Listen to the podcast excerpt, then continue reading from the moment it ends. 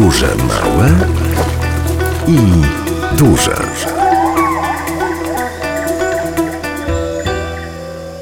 W podróż jachtostopem zabierze Państwa gość Radia Lublin, Marek Kramarczyk, podróżnik, fotograf i żeglarz. Dzień dobry. Dzień dobry. W sumie 3,5 roku spędził Pan na wodzie. Proszę powiedzieć, skąd w ogóle wziął się pomysł, żeby świat przemierzać jachtostopem? No to zupełny przypadek jest, bo po studiach chciałem zrobić sobie trochę przerwy i, i przeżyć jakąś przygodę. I zupełnie przypadkiem na ostatnim roku zobaczyłem film na YouTubie, który był o jachtostopie. A z racji tego, że nigdy nie żeglowałem, to wymyśliłem sobie, że to jest dobry sposób e, właśnie na tą przygodę życia, więc tak to się zaczęło. Ja bym zareagowała właśnie odwrotnie. Nigdy nie żeglowałam, więc tym bardziej się tego nie podejmę, bo wiadomo, co będzie się na tej wodzie działo. Nie ma gdzie uciec za bardzo. No ale to właśnie o to chodziło, żeby tak po raz pierwszy w życiu nie było wiadomo i nie było tego schematu, że dobre liceum, uczelnia i potem już ta sama praca do końca życia, dlatego... Trochę szaleństwa. Dokładnie. I jaka to była pierwsza wyprawa, jak się zaczęła? Znaczy, pierwsza wyprawa no, zaczęła się u mnie w domu rodzinnym w Brzeszczach, Małopolsce i pojechałem takim zwykłym autostopem na Gibraltar, bo tam można zacząć właśnie morską przygodę i myślałem, że spędzę tam kilka tygodni pomagając komuś w pracy przy jachcie i potem może w ramach wdzięczności bym mnie zabrał.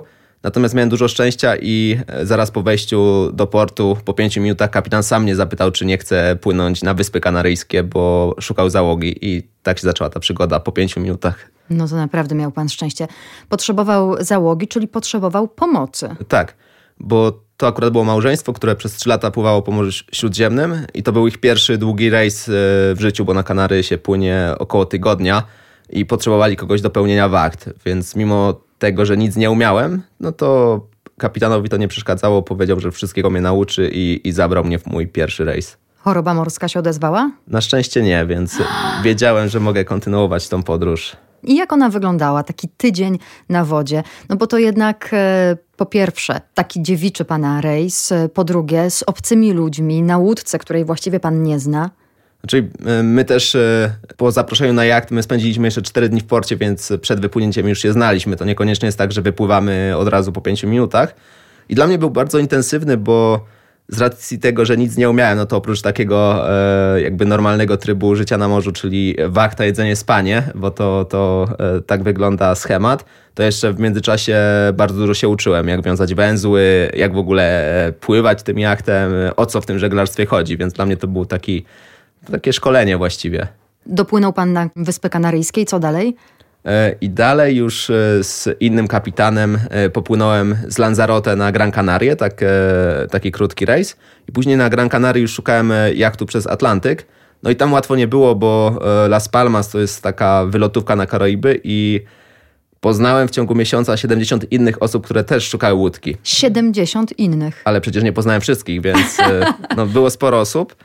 E, konkurencja była duża i ja po dwóch tygodniach takich bezowocnych poszukiwań pożyczyłem od znajomego kajak i wiedziałem, że w porcie wszyscy pytają, więc ci żeglarze już byli troszkę podirytowani ilością tych pytań od niedoświadczonych osób, bo przy jachtostopie przeważnie nie ma się doświadczenia.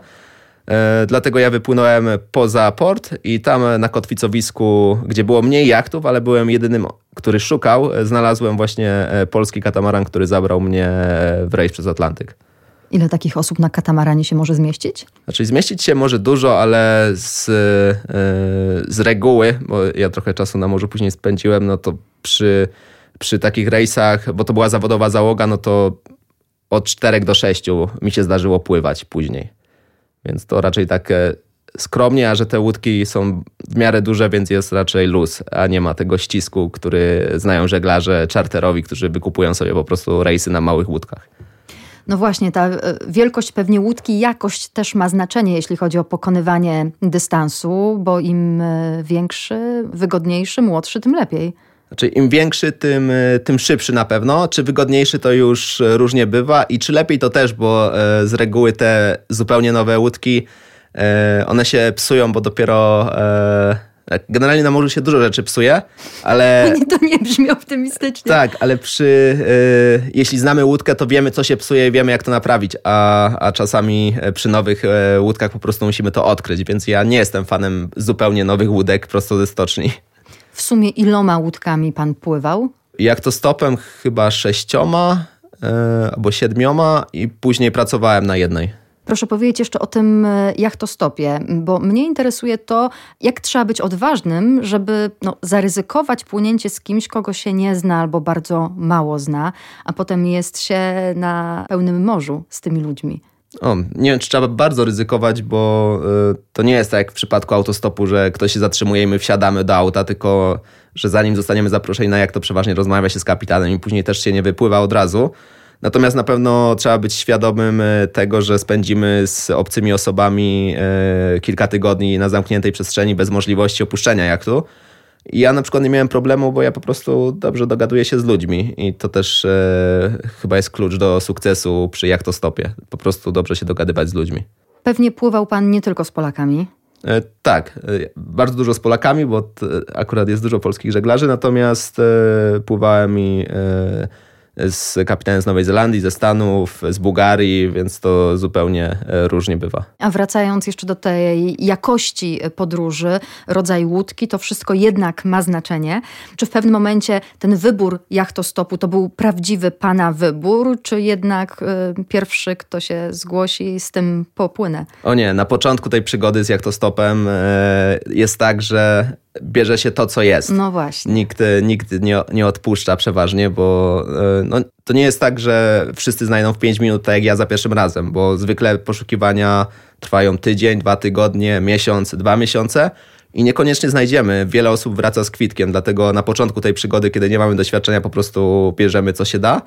No a w tym momencie, no ja w tym momencie to już raczej byłbym bardzo wybredny, ale to dlatego, że mam doświadczenie i, i z racji tego, że pracowałem, no to teraz takie rejsy, rejsy yy, dla, dla zabawy bardzo łatwo znaleźć, bo ludzie do mnie cały czas wciąż piszą, bo po prostu załogi jest mniej niż zapotrzebowania. No i wtedy co decyduje o tym, czy daną łódkę pan wybiera lub by wybrał? Co takiego musi być? Na co pan zwraca uwagę? Znaczy ja przez długi czas wszystko odrzucałem, bo po prostu pracowałem zawodowo, mhm. a teraz e, jeśli będę gdzieś wracał, to będzie decydował rejon i co mogę zobaczyć, bo to żeglarstwo dla mnie to i tak jest, e, to nie jest jakaś taka wielka miłość, tylko to jest bardziej środek do celu i środek transportu, bo tą miłością są podróże i ostatnio właśnie fotografia dzikiej przyrody, więc e, ostatni pobyt na Pacyfiku e, spędziłem fotografując na przykład wielorybów, więc teraz zależy gdzie jak popłynie i co ja tam mogę zobaczyć i co z tej podróży przywieźć, żeby później pokazać ludziom, więc nie wiem jeszcze, ale, ale decyduje miejsce przeważnie. Podróże małe i duże.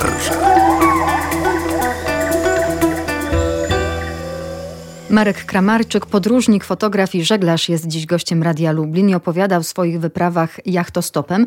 Powiedział pan, że owszem, to samo płynięcie łódką jest e, ciekawe, może być atrakcyjne, ale że ważniejszy jest cel podróżowania. Gdzie więc pan już był? Na początku ja pływałem między Europą i Karaibami i e, w sumie spędziłem na Karaibach półtora roku, na Małych Antylach głównie, czyli na wschodzie Karaibów.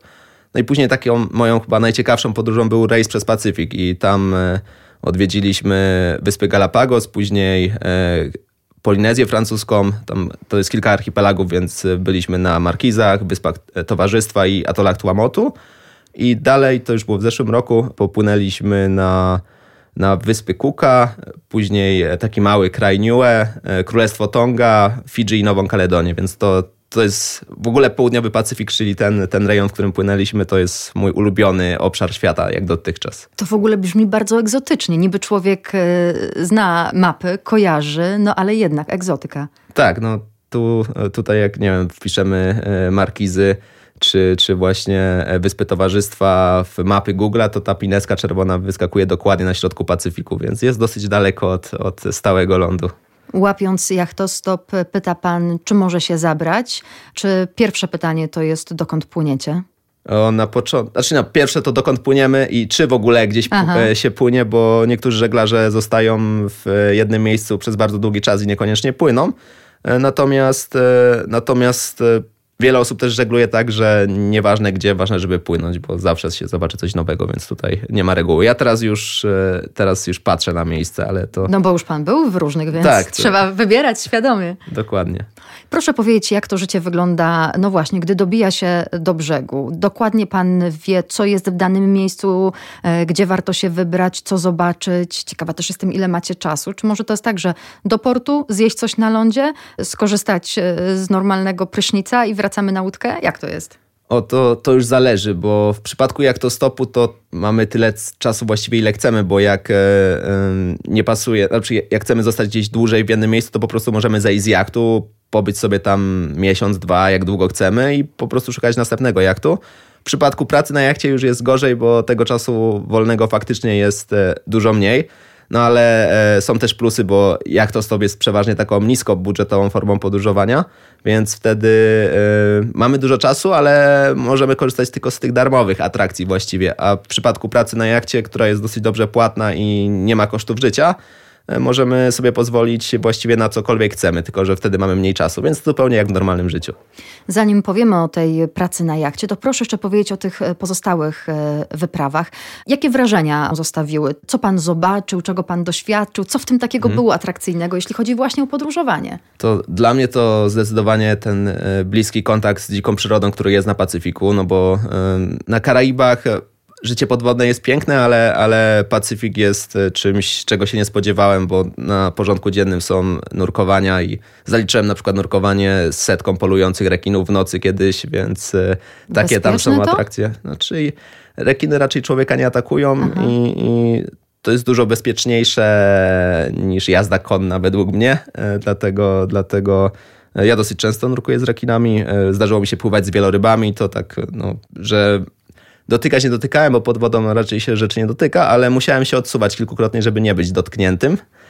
E, Galapagos jest też świetne, bo niby komercyjne, niby przygotowane dla turystów, ale jednak jak się widzi te wszystkie dzikie zwierzęta, które tak trochę w zgodzie z człowiekiem żyją, no to robi niezapomniane wrażenie, więc dla mnie to ta dzika przyroda, e, która na Pacyfiku wciąż jest jakby widziana wszędzie i o ile na przykład na lądzie te zwierzęta przynajmniej tutaj gdzieś uciekają, to na Galapagos niebo się człowieka nie boją, a w wodzie to już w ogóle e, zwierzęta morskie niczego się nie boją, więc można je zobaczyć z bardzo bliska. Robi pan zdjęcia podwodne? Ostatnio zacząłem, chociaż jeszcze mam braki e, w sprzęcie, więc na razie tylko jest kamerka GoPro, ale liczę, że po tym materiale, który się udało przywieźć z ostatniej podróży, będę mógł się zaopatrzyć w coś porządnego. Mm, a co pan przywiózł? Właśnie te wieloryby to, to było coś e, takiego.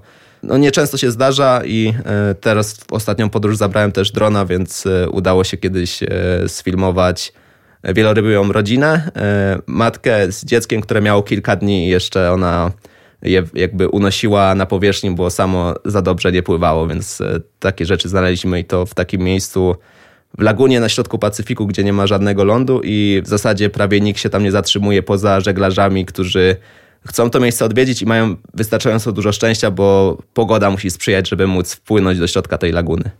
Trzeba stać przy burcie i obserwować e, powierzchnię wody i czekać, aż coś się, ktoś się e, pojawi? Czy to trzeba mieć szczęście? Czyli czekać to bym nie czekał, bo e, te spotkania nie są aż tak częste i e, stanie I przy można by burcie, poczekać. Stanie przy burcie nawet nie tyle pomaga, e, lepiej być wyżej po prostu, ale e, nasz jacht, przynajmniej ten, na którym właśnie teraz ostatnio pracowałem, on był dosyć spory i wysoki, więc, więc my tam e, duże pole widzenia mieliśmy. Zawsze można wjechać na maszt, jak, jak, e, jak trzeba jeszcze wyżej. Mhm. No i jak ktoś nie ma lęku wysokości? Ja mam i zdarzyło mi się być parę razy, więc da, Da się, się. da się wszystko e, przełamać. E, Natomiast to głównie chodzi o szczęście. Czasem wieloryb sam na kotwicy podpływał dookoła jachtu i i sobie pływał raz dookoła motorówki nam, nam pływał. A na przykład są miejsca jak Królestwo Tonga, gdzie e, pływanie z wielorybami jest atrakcją turystyczną i po prostu przyjeżdżamy tam i e, jest kilkunastu, nawet ponad dwudziestu operatorów, którzy zabierają turystów na spotkania z wielorybami. Jeśli nurkował pan, żeby zobaczyć te rekiny, to dlatego, że wcześniej zobaczył je pan e, właśnie z jachtu? na Pacyfiku są miejsca, gdzie, gdzie rekiny można zobaczyć i z plaży, i z jachtu, i są po prostu Wie wszędzie. pan, ja tylko szczęki widziałam, więc tak naprawdę, no dobrze, może jeszcze w oceanarium, ale Nie, to znaczy szczęki akurat dużo złego zrobiły rekinom, bo one to nie są takie straszne zwierzęta i e, średnio w ciągu roku tylko pięć osób ginie w wyniku ataku rekina, a, a Znacznie groźniejsze pewnie są e, krowy, konie, dzikie psy e, czy komary, a nie uciekamy na widok moskita, więc nurkowanie z rekinami jest stosunkowo bezpieczne, ile oczywiście zachowamy zdrowy rozsądek, bo trzeba pamiętać, że to są dzikie zwierzęta, które potrafią ugryźć i w wodzie są szybkie i silne.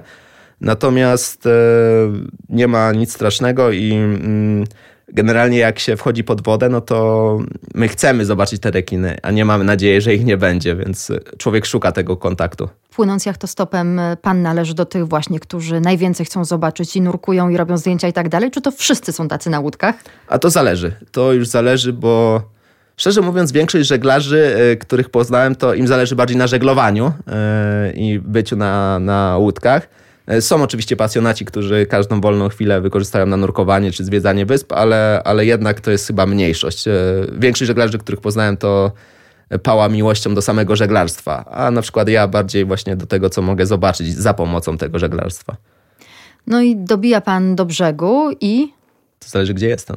Idzie się gdzieś dalej, coś się planuje jednak, żeby zobaczyć, zwiedzić? Znaczy, przeważnie e, no, ja do tej pory najpierw docierałem do miejsca, gdzie chciałem, bo zarówno przy jachtostopie i przy zawodowej pracy na jachcie nie można zaplanować, bo często te plany się zmieniają w ostatniej chwili i ktoś może planować Nową Zelandię, a wyląduje w Australii albo, albo planuje Karaiby, a okazuje się, że kapitan zmienił zdanie i płynie do Gambii, więc y, tu nie da się zaplanować. Ja dopiero jak docierałem w konkretne miejsce, to wtedy się orientowałem y, co, gdzie i jak i tworzyłem dalszy plan podróży.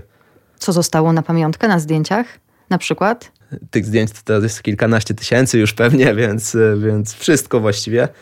E, od ludzi, kultury, e, po właśnie dzikie zwierzęta, e, no i krajobrazy oczywiście. Podróże małe i duże.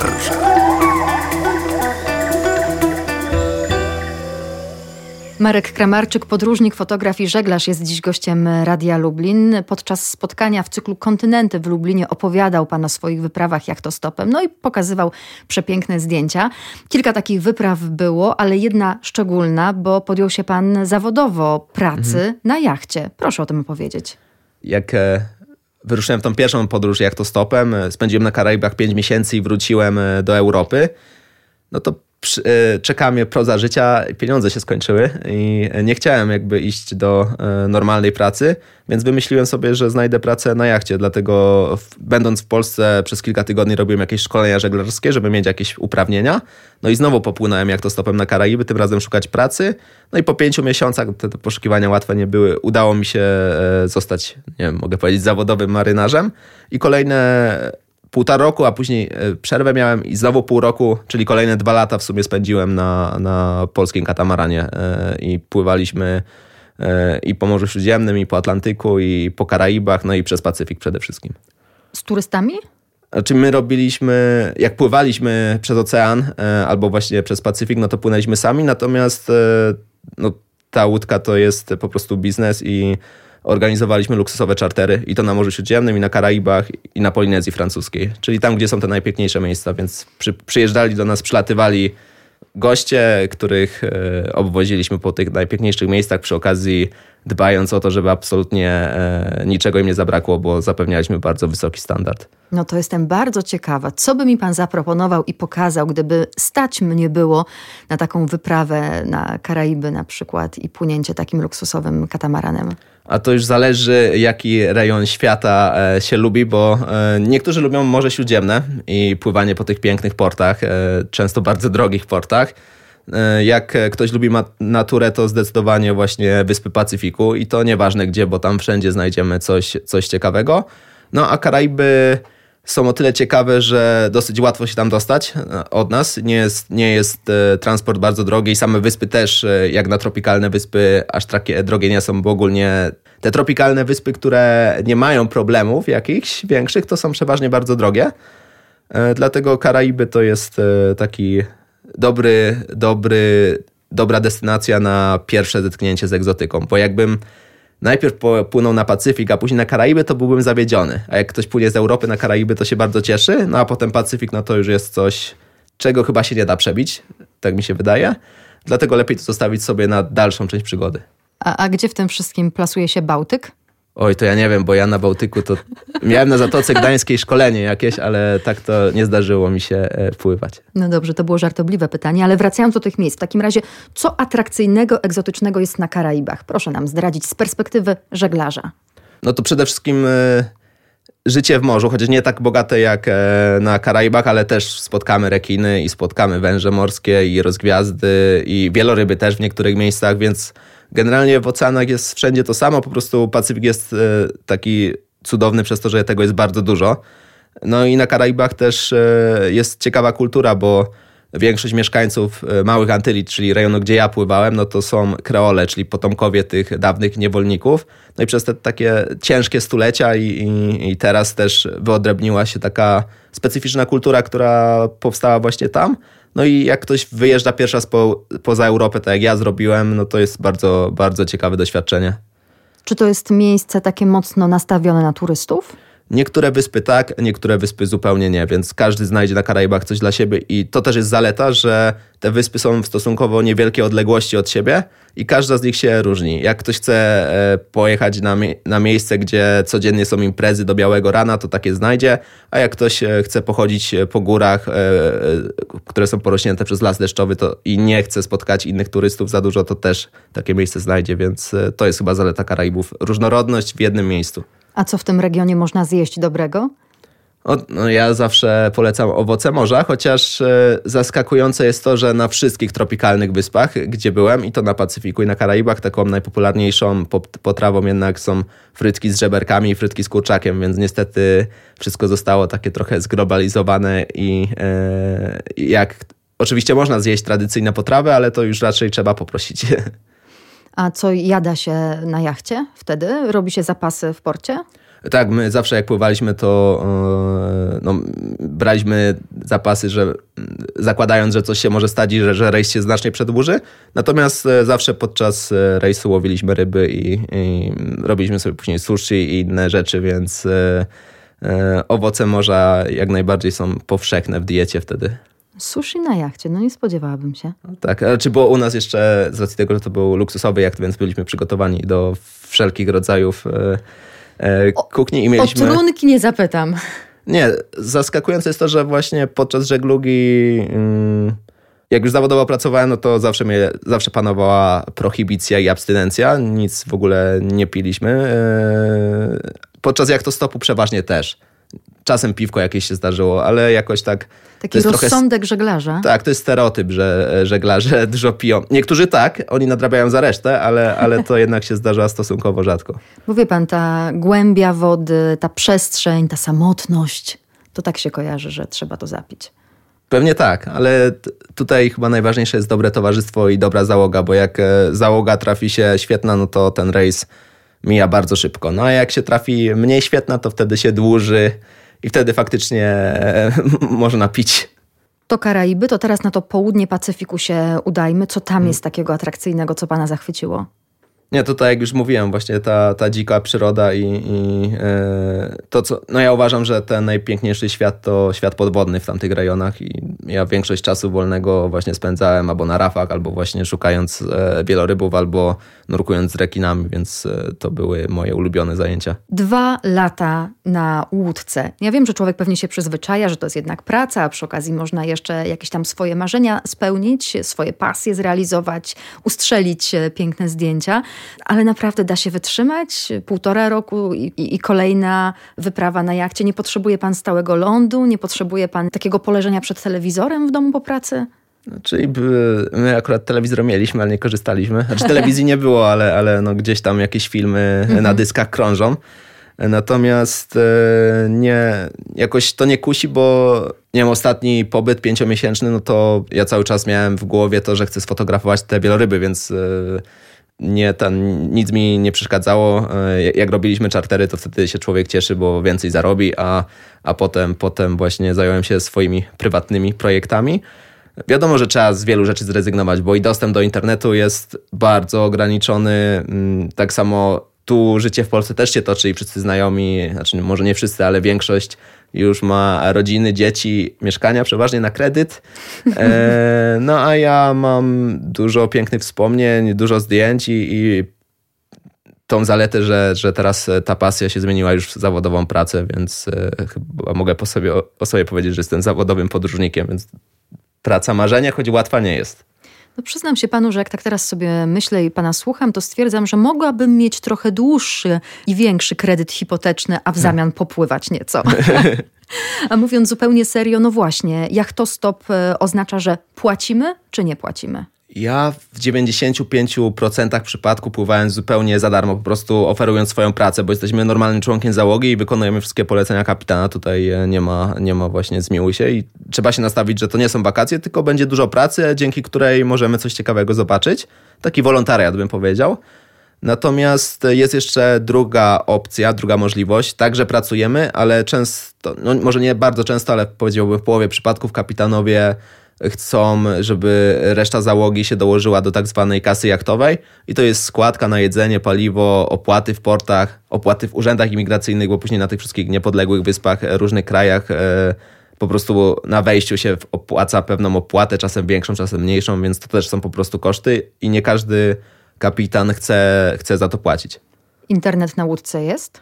E, możliwość jest teraz, zależy od łódki, bo to są jednak dosyć drogie rzeczy, więc w razie potrzeby można bez problemu znaleźć dosyć szybki internet nawet na środku Pacyfiku, tylko że to jest bardzo, bardzo drogie, więc tego się raczej nie używa, chyba że jest jakaś sytuacja zagrożenia, no to wtedy tak. My używaliśmy internetu do ściągania pogody jedynie, tylko że to nie, niewiele zużywa. A na tych wszystkich tropikalnych wyspach już jest. Jest ciężko znaleźć miejsce bez internetu tak naprawdę. E, tylko tak samo to jest odpowiednio drogie. Najdroższe spotkaliśmy na Polinezji francuskiej, a na przykład na takim Fidżi, który też, e, które państwo to też się składa z małych wysepek, e, to tam na przykład już ceny były dosyć ceny nie były aż tak wysokie, jakbyśmy się tego spodziewali. Czyli jeśli na przykład nie stać mnie na to, żeby za 8, 10, 12 tysięcy polecieć na Karaiby i na Karaibach spędzić dwa tygodnie, to mogę złapać jachtostop u wybrzeży Europy i najpierw tak. się dostać gdzie na przykład? Czyli z, przeważnie zaczyna się na Gibraltarze, no mhm. i potem wszyscy żeglarze płyną na Wyspy Kanaryjskie, i takim miejscem, niemal wszyscy, i takim miejscem, e, gdzie na Kanarach się e, szuka, no to jest właśnie miasto Las Palmas, bo tam mm, jest duży port, bardzo dobre serwisy i bardzo dobre zaopatrzenie i wszystko w e, bardzo tanich cenach, bo tam jest specjalna strefa podatkowa, czy bardzo tanich, powiedzmy tańszych niż wreszcie Hiszpanii. I tam przy, przypływają wszyscy jak to stopowicze, albo przylatują, bo część osób zaczyna właśnie z Kanarów tą swoją przygodę e, z żeglarstwem i, i spływaniem. Ja wybrałem Gibraltar, bo chciałem mieć ten tydzień, żeby zobaczyć, czy mam chorobę morską, czy nie. No właśnie, wie pan, ja obawiam się, że choroba morska mogłaby mi utrudnić pływanie i tak się zastanawiam, co wtedy by kapitan powiedział, gdyby mnie zabrał. Czyli w większości osób właśnie po dwóch, trzech dniach wszystko przechodzi, bo się po prostu przyzwyczajają. No jest mała, ale to bardzo mała grupa, której nie przechodzi, no i wtedy długi rejs może być niebezpieczny, bo możemy się odwodnić i, i, wtedy... Znam osoby, które po przypłynięciu e, na Karaiby wylądowały w szpitalu na Martynice, na Oj. właśnie kroplówkach. No ale to, to właśnie ja dlatego wybrałem Gibraltar i przez tydzień nic się nam nie stanie. Nawet jakbyśmy przez tydzień wymiotowali, no to, to się da przeżyć. Największy minus jachtostopu? O, to ciężko powiedzieć, bo jak płynąłem, no to byłem gotowy na te niedogodności wszystkie, ale zdarzyło mi się, bo płyniemy bez pieniędzy, znaczy jedziemy w tą podróż przeważnie bez pieniędzy, więc zdarzyło mi się i spać bez, bez, bezdomnymi i spać pod namiotem przez większość czasu.